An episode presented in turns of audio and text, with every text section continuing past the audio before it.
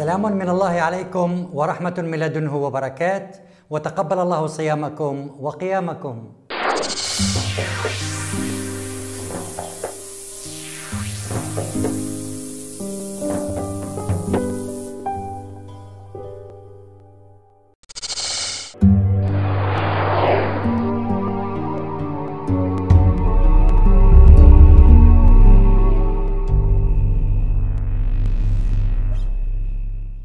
نهاية العالم كيف تحدث عنها القرآن الكريم؟ هنالك العشرات من المحاضرات والكتابات والمقالات أن نهاية العالم كانت سوف تحصل في عام 2012 لكننا ما وجدنا من ذلك شيء. القرآن الكريم دعونا نتفق في البداية على أنه كتاب سماوي. هنالك العشرات من الأدلة داخل القرآن الكريم على أنه كتاب سماوي وبامتياز. أولا تحدث القرآن الكريم من 1400 عام عن الذرة وأصغر من الوزن الذري. القرآن الكريم قال بسورة النساء إن الله لا يظلم مثقال ذرة. إذا العدل يوم القيامة سيكون بالوزن الذري. لكن القرآن الكريم لم يكتفي بذلك. قال ولا يظلمون نقيرا. المنطق أن الله يصغر ولا يكبر. بعد عام 2000 ثبت في اليابان أن كل فوتون ضوئي هو كرة فارغة. بداخلها جسم أصغر منها بمئة مرة يسمى الكوارك. هذا الكوارك فعلا لا يدور ضمن فلك لكنه يتحرك بحركة اهتزازية مستمرة وكأنه ينقر نقرا مثل الكرة الصغيرة داخل الجرس. لذلك هذا هو النقير أي أن الله لا يظلم أصغر من الذرة بمئة ألف مرة. لم يكتفي القرآن الكريم بذلك. ثم قال ولا يظلمون فتيلا. وركز القرآن بعد ذلك على آية الفتيل حيث ذكرها بسورة الإسراء ما هو الفتيل؟ ثبت حسب النظرية الخيطية الحالية أن هذا الكوارك أيضا هو كرة فارغة وفيه حوالي ألف خيط من خيوط الطاقة وبينها فراغات.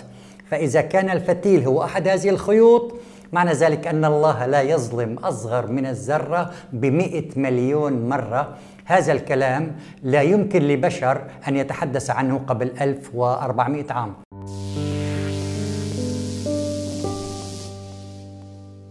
الفيزياء في العالم حتى هذه اللحظة لم تتحدث عن فيزياء الليل. لا يمكن أن أدرس حرارة دون أن أدرس البرودة. إذا كيف أنا أدرس ضوء دون أن أدرس الليل؟ فالسؤال برسم العلم الحديث أين فيزياء الليل؟ من الآية رقم 17 بصورة التكوير يمكن استخراج فيزياء الليل. الآية مكونة من ثلاث كلمات فقط. والليل إذا عس عس نلاحظ كلمة عس عس مكونة من مقطعين لغويين. عس عس هذا يعطينا فكرة عن الحركة الجيبية الإهتزازية. عس عس هنالك عشرات الكلمات داخل القرآن الكريم. لها نفس التركيبة اللغوية وكلها تعطي نفس فكرة الحركة الاهتزازية. زل زل. فالزلزال هو حركة جيبية اهتزازية. إذا زلزلت الأرض زلزالها. أقوى من زلزل دم دم. فدمدم عليهم ربهم بذنبهم فسواها. إذا هزة شديدة القوة أكثر من الهزة الأرضية. فالليل هو مادة له وزن وله كثافة. وله درجة حرارة.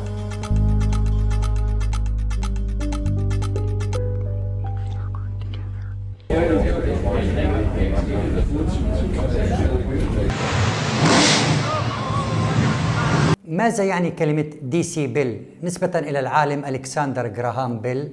فالدي سي بيل يعني واحد على عشرة من واحدة فيزيائية تسمى البيل. هذا مقياس الصوت دي سي بيل رتب القرآن الكريم مستويات الصوت من الأدنى وحتى الأعلى. بدأ بمرحلة الركز هي أقل من 20 دي سي بيل فقال تعالى في سورة مريم أو تسمع لهم ركزا. ثم انتقل إلى مرحلة الهمس فقال تعالى فلا تسمع إلا همسا. ثم إلى مرحلة النجوى السرية فقال تعالى وأسروا النجوى إلى أن وصل إلى مرتبة الكلام العادي وتصعد حتى مرحلة الصيحة. فقال تعالى في سورة هود وأخذ الذين ظلموا الصيحة فأصبحوا في ديارهم جاثمين أما أقوى من الصيحة فهي الصاخة. قال تعالى فإذا جاءت الصاخة. الملفت إلى النظر أن القرآن الكريم قبل 1400 عام رتب هذه المستويات للصوت فيزيائيا. لم يكن عند الرسول الكريم صلى الله عليه وسلم هذه الفكرة عن مراتب الصوت ولا عند الناس حتى ولا عند الصحابة الكرام. فكيف تحدث القرآن عن مستويات للصوت ظهرت في مرتبة في مرحلة العصر الحديث؟ مثل مثلا صوت المدفعية صوت الطائرات إقلاع الطائرات.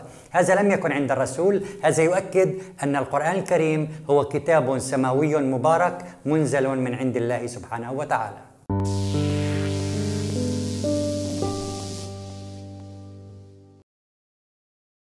آه، القرآن الكريم تحدث أن فوقنا يوجد سبع طبقات لا ثمانية ولا خمسة ولا ستة. إذا نظر أي إنسان ولو عن طريق المنظار الفلكي لا يمكن أن يعد هذه الطبقات سبعة. بدأ عد الطبقات السبعة بعد أن بدأ عصر الفضاء بعام 1957 عندما صعد يوري جاجارين السوفيتي في أول رحلة له في شهر نيسان إبريل.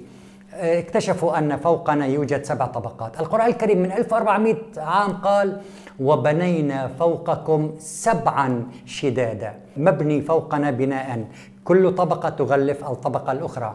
من بين هذه الطبقات التي أقامت العالم ولم تقعده طبقة الأوزون ومنها طبقة الأيونوسفير إذا ثبت في عصر الفضاء أنه فعلا وعلى ارتفاع 400 كيلومتر فوقنا هنالك سبع طبقات من الغلاف الجوي. ففي الآية الأخيرة من سورة الطلاق ورقمها 12 قال تعالى الذي خلق سبع سماوات ومن الأرض مثلهن ماذا يعني؟ أي من أرضنا الواحدة هنالك أيضا سبع طبقات من غلافنا الجوي. هذا الغلاف الجوي قال تعالى عنه وبنينا فوقكم سبعا شدادا. هذه اكتشافات بالعامية لا يمكن لبشر مهما بلغ من العلوم أن يتحدث عنها قبل 1400 عام فالقرآن كتاب سماوي. أن تأكدنا أن القرآن الكريم هو كتاب سماوي بامتياز؟ تحدث القرآن الكريم على أن نهاية العالم ستكون كالتالي.